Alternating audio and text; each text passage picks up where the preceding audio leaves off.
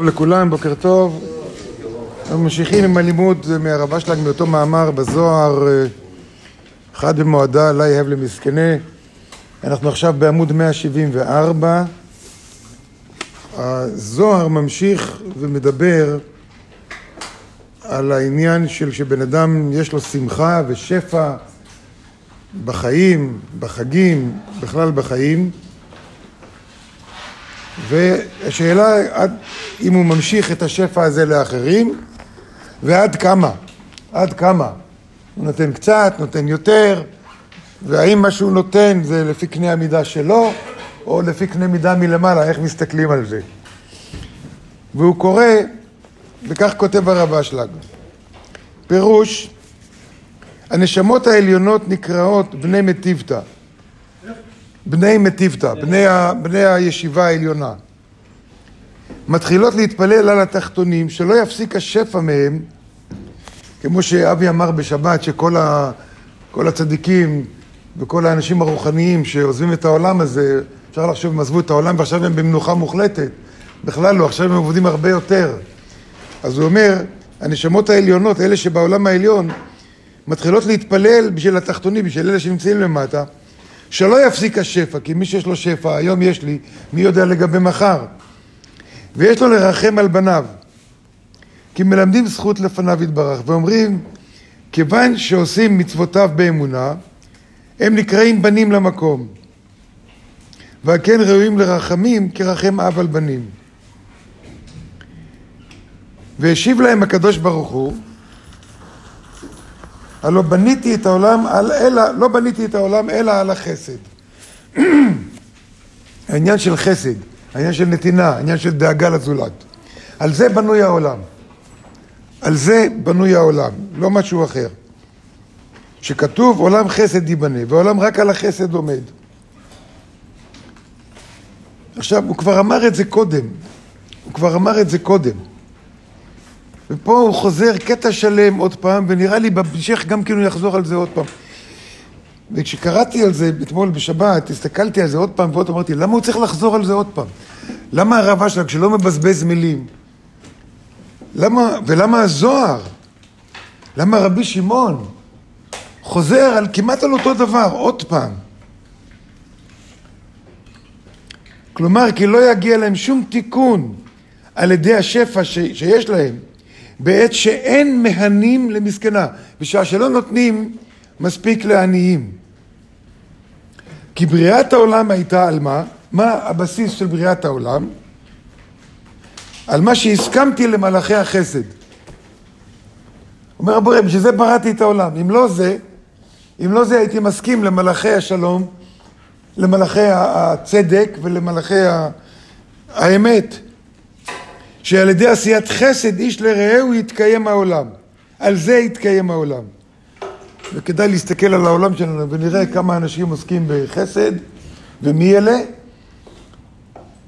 וכמה אנשים עוסקים ברצון לקבל לעצמו.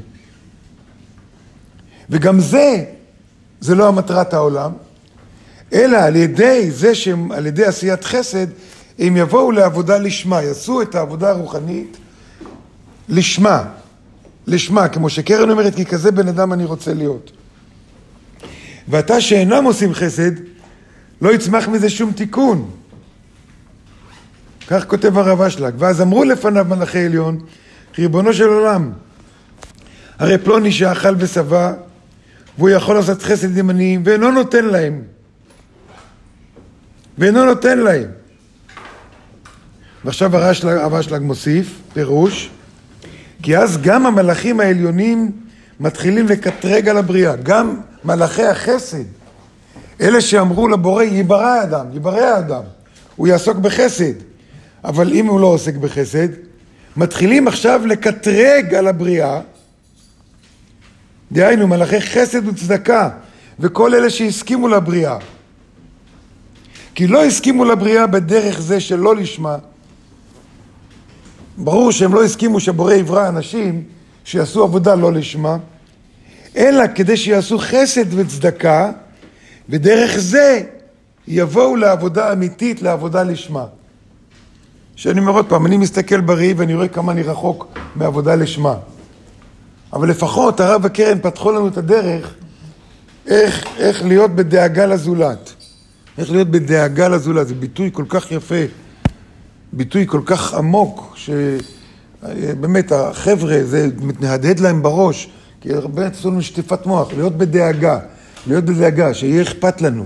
דאגה, זה לא שאני מפחד, שיהיה אכפת לי מאנשים אחרים, שיהיה אכפת לי, אבל בצורה של, בצורה של, לא של אם יגידו לי, תראה, בוא'נה, הבן אדם הוא צריך עזרה, בטח, אני רץ והולך לעזור. אלא, אלא שאני כל הזמן אני אהיה עסוק בלחפש מי אני יכול לעזור, למי אני יכול לעזור, איפה אני יכול לעזור, כמה אני יכול לעזור, מה אני יכול להוסיף, ובלי גבול בכלל. כי רק דרך זה נגיע לעבודה לשמה. רק דרך זה. וגם הרב ברנדמן כותב על זה. הרב בשלג והרב ברנדמן, שני רבנים גדולים, שני צדיקים גדולים, שכתבו וחזרו וכתבו על העניין של יותר חשוב בן אדם לחברו. יותר חשוב מכל המצוות האחרות, משמירת שבת, מהנחת תפילין, מחגים, מכל הדברים האלה. כל הכוונות שאנחנו עושים ו- ו- וחלק מאיתנו לומדים קבלה בשביל שנדע יותר, הכל שטויות, אם זה לא מלווה בהתפתחות אישית של עזרה לזולת, וגם בתוך התהליך הזה, גם בתוך התהליך הזה, יש עליות מדרגה של יותר ויותר, עד להגיע למצב שאני לא רוצה לקבל על שכר. השכר שלי הוא שכזה בן אדם אני נהיה. שמתוך זה אני אגיע לשמה. ואתה שאינם עושים זאת, אפילו כן עוזרים לזולת, אפילו כן מתנדבים, אפילו כן מתנדבים, אבל אינם באים לשמה, לא, לא בראש שלהם עכשיו אני צריך מזה להגיע לעבודה לשמה. המלאכים מתחרטים על הסכמתם ומקטרגים על האדם. מקטרגים על האדם.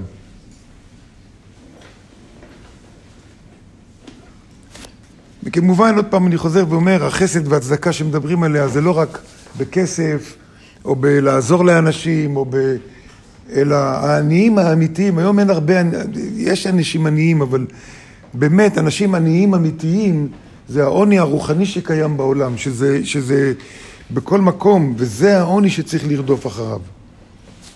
ואז הוא כותב, אחרי שנתברר שאין האדם ראוי, ראוי לבוא לשמה עם המצוות שלו, אז ניתנת רשות למקטרג לעשות את שלו.